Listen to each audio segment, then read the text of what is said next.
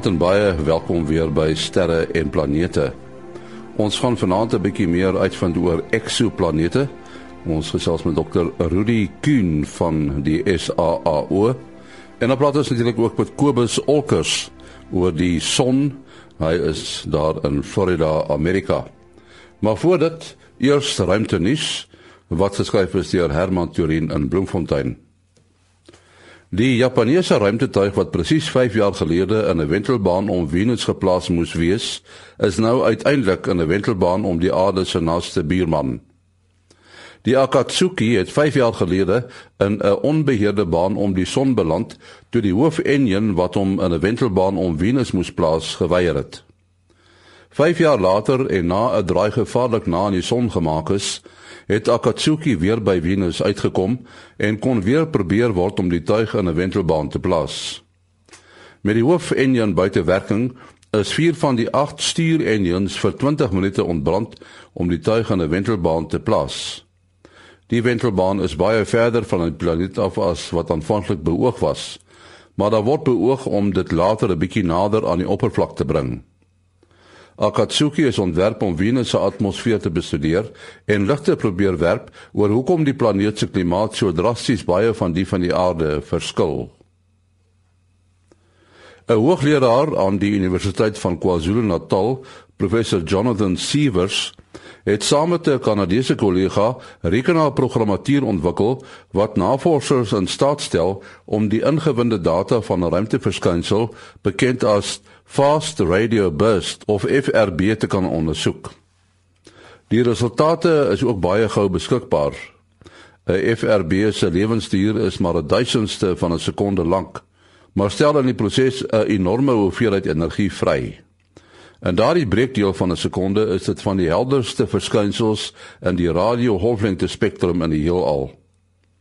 Die sukses van die program hou belowende gevolge in vir die SKA projek wat ook enorme hoeveelhede data sal moet verwerk.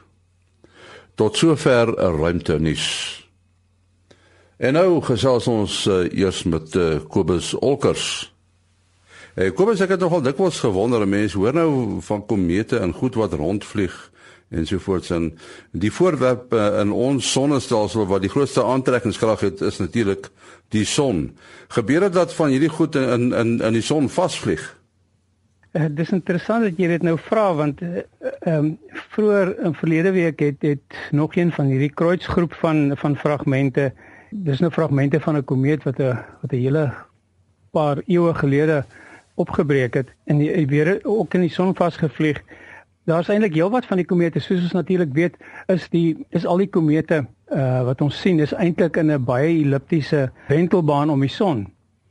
Party van hulle neem eeue om om weer by die son uit te kom en as een van hulle nou langs die pad sien nou maar by 'n by 'n groot planeet verbygaan of uh, dalk 'n bietjie stamp kry teen iets dan verander sy wentelbaan so effentjies en kom hy nou by die son aan soos jy sê, dan is die son se aantrekkingskrag so so 'n bietjie te groot en sy wentelbaan is nou nie meer om die son nie, maar reguit in die son vas.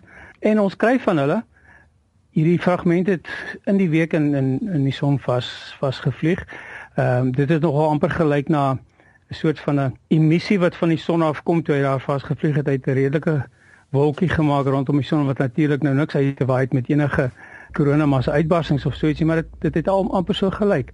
Uh, wat ook interessant is is dat hierdie SOHO uh satelliet wat opgestuur is wat deur 'n miljoen 'n miljoen kilometer van die aarde af aan die ander kant van die maan sit en kyk na die son is die instrument die mense wat na hom kyk is die mense wat die meeste komete nog in die geskiedenis ontdek het want hy kyk piekfyn heeldag na die son en hy sien elke komeet wat daar verbykom. Uh, ons beleef natuurlik soos jy weet 'n taamlike droogte en ons baie warm ons kry baie warm dae hier. As 'n mens nou buite die aarde se atmosfeer sou beweeg en jy sou by wyse van spreuke eh, die die son se se se hitte kon meet bo kan die atmosfeer. Wat wat is die hitte? Uh, is dit 'n konstante hitte of is dit die atmosfeer wat die hitte maak? Die aarde se klimaat is iets wat vasgevang is in die atmosfeer. Uh, dit word gemaak deur die atmosfeer. Natuurlik is die son se se se energie wat op die aarde inskyn is die grootste bron van van hitte. Hierdie hitte van die son skyn op die aarde. Die aarde het 'n sekere uh weerkaatsingskoëffisiënt en in die taal praat hulle van dit as die albedo van die aarde. Mens spel dit A L B E D O. Hierdie albedo van die aarde verander deur die deur die jare. Uh toe die aarde in 'n in 'n ystydperk was, was die albedo baie hoog want die aarde was wit van die van die sneeu en van die ys. Dan het baie van die son se energie uh weer kaats en dit en hierdie tipe van ding veroorsaak natuurlik as jy nou begin 'n 'n hoë albedo kry, sien nou maar daar's ergens ys wat vas vasgevang word, dan weerkaats die son se hitte al hoe meer, meer daar's minder hitte wat aankom, so daar's meer ys en dit was die dit was die die ystydperk. Dit is hoe die ystydperke gebeur. Wat wel gebeur is dat die son het variasies, soos ons soos wat ons nou al vele kere gesê het. Ons het hierdie uh, magnetiese omswaai van die pole van die son wat maak dat daar wanneer die pole kom mens miskien nou maar sê by mekaar verbygaan op die oppervlakte van die son dan kry jy baie van ons emissies ons uitbarstings.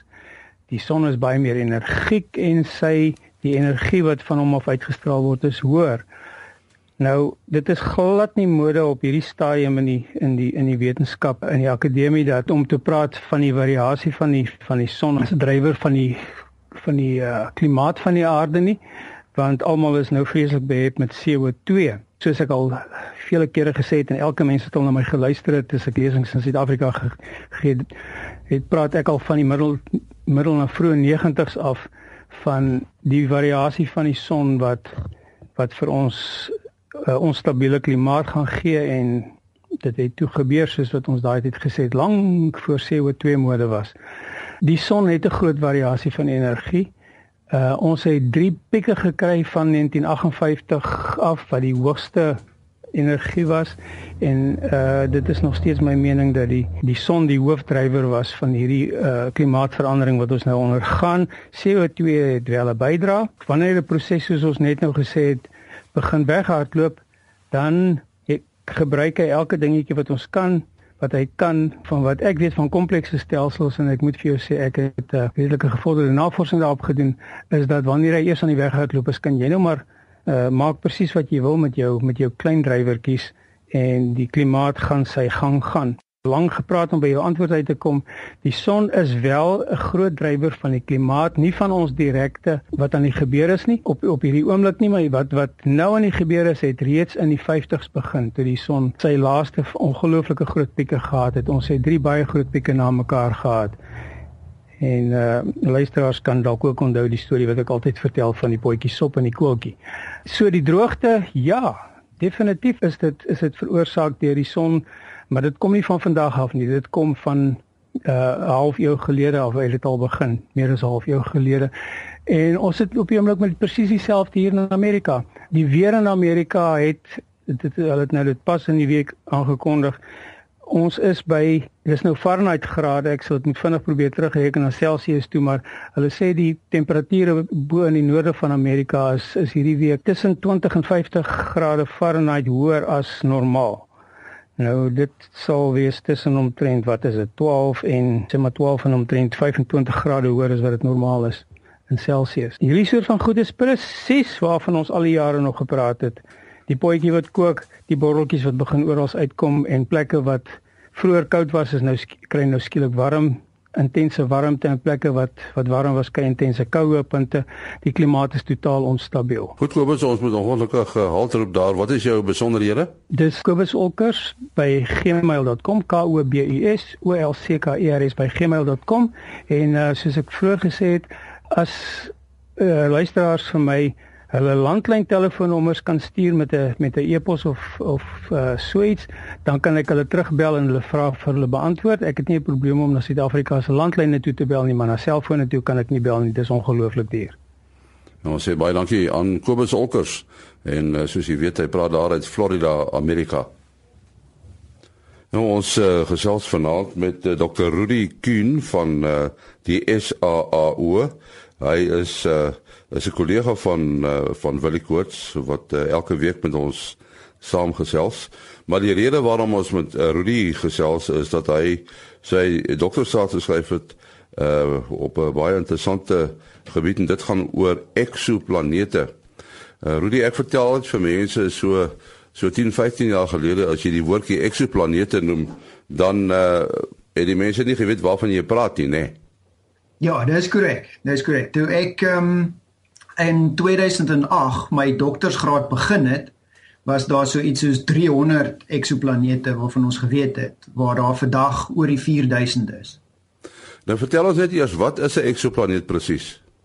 So dis 'n planeet wat buite ons sonnestelsel is. So 'n planeet wat om 'n ander ster wentel wat jy kan sien met jou oog buite of selfs met groter teleskope of so. En hierdie eksoplanete is in ons sterrestelsel, nê, nee, in die Melkweg. Dis in die Melkweg, ja. Uh hoe vind mense hierdie eksoplanete? Dis 'n interessante metode, né? Nee? Daar's 'n paar metodes. Ja, daar's 'n hele paar metodes. So die die metode wat ek gebruik het um vir my teses was die uh, hulle noem dit die transit method. So dit is wanneer die planeet um voor die son of voor die sterretjie verby beweeg, dan sien jy soort van die skaduwee van daai planeet op die op die op die sterretjie en dan verminder die lig van die sterretjie met so 1% of 'n klein bietjie meer as dit. So as jy die sterretjie vir lank dophou en jy sien dit gebeur elke 4 of 5 dae of 10 dae of so iets, dan weet jy dis 'n planeet wat voor die sterretjie verby beweeg. Dan is daar die ander metode, hulle noem dit die radial velocity of die wobble metode. So wanneer 'n planeet rondom 'n ster wentel, dan maak hy die ster so van so 'n bietjie vorentoe en agtertoe beweeg. Hy hy wobble. En met daai kan jy dan as jy die ster dophou, kan jy dan sien hoe die sterretjie so wobble en dan kan jy soort van aflei dat daar 'n planeet is. Watter een is die meer gewilde metode om eksoplanete te kry? So so 'n paar jaar terug met die groot teleskope, ehm um, het hulle die wobble metode of die radial velocity metode het hulle was die algemeenste. Maar nou met satelliete wat buite die aarde se atmosfeer is, soos die Kepler satelliet en nou die volgende een, die TESS satelliet, hulle sal hulle gebruik die die transit metode en dit sal hulle hulle is nou die mees algemeenste manier om planete te kry. So die instrumentasie om hierdie sogenaamde verdowwing te meet, moet taamlik gesofistikeerd wees, né? Nee?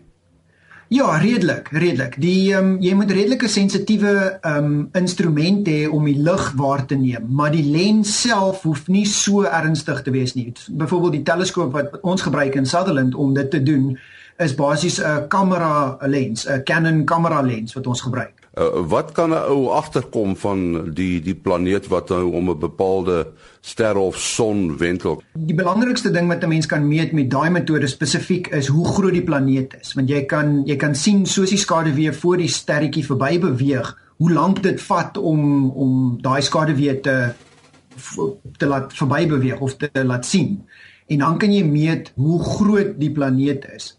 En dan is daar die ander ding wat ons deesdae doen is met hierdie metode uh jy kan die atmosfeer so wanneer die lig van die sterretjie deur die atmosfeer van hierdie planeet syfer kan jy dan waarneem watter um soos van komponente of chemikalieë of wat ook al in die atmosfeer van daai planeet is. Ja, hulle praat gedurende van hierdie sogenaamde goue lokkies gebied. Dis nou 'n gebied waar 'n uh, uh, uh, sogenaamde planeet sou wees wat dan 'n sekere afstand van sy ster af is, nê? Nee. Dis korrek. Ja, so die goue lokkies ding is dit is dis presies soos die storie sê, dis nie te warm nie, ook nie te koud nie. So as jy te warm is, dan gaan al jou water gaan dan um soort van afkook. As jy te ver is, dan gaan dit uit sneeu en net ys wees. Um, maar as jy net op die regte plek is, is daar 'n moontlikheid dat daar 'n soort van vloeiende water op die planeet kan wees. En uh, hoe kom 'n mens nou agter hoe ver so 'n uh, planeet van van sy ster af is? Wel jy kyk na wanneer hierdie soort van verdowwings wanneer die die skaduwee na jou toe wys, kan jy as jy meet uh hoe ver, hoe lank dit uitmekaar uit is. So kom ons sê elke 4 dae of so, dan kan jy uitwerk deur net die fisika Kepler se wette van van so wenteling en so aan, kan jy dan uitwerk hoe ver die planeet van sy ster af is. Goed, daar was so 'n tradisionele siening as jy na ons sonnestelsel kyk dat 'n tipiese sonnestelsel het nou rotsplanete naby die sterre en dan verder weg is dit gasplanete natuurlik Pluto is nou iets anders. Uh, is dit 'n uh, verskynsel wat mens vind in die ruimte met ander sterre ook of uh, kan dit omgedraai word?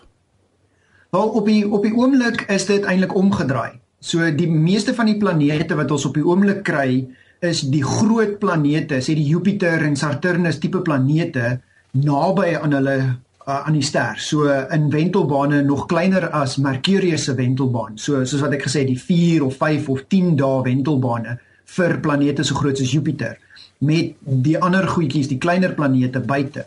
Maar dit is maar net 'n ehm soort van 'n simptoom van ons tegnologie wat ons nou nog net daai grootes kan raak sien. Hoe beter en beter ons tegnologie raak, hoe beter kan ons groter planete verder weg van hulle sterre af sien. So ek dink ons sonnestelsel is nie uniek nie, maar op hierdie stadium is dit is hy in die minderheid. So die meeste is die gasplanete naby die ster. Die waarvan ons weet op die oomblik, ja. En 'n mens wonder hoekom sou dit nou wees?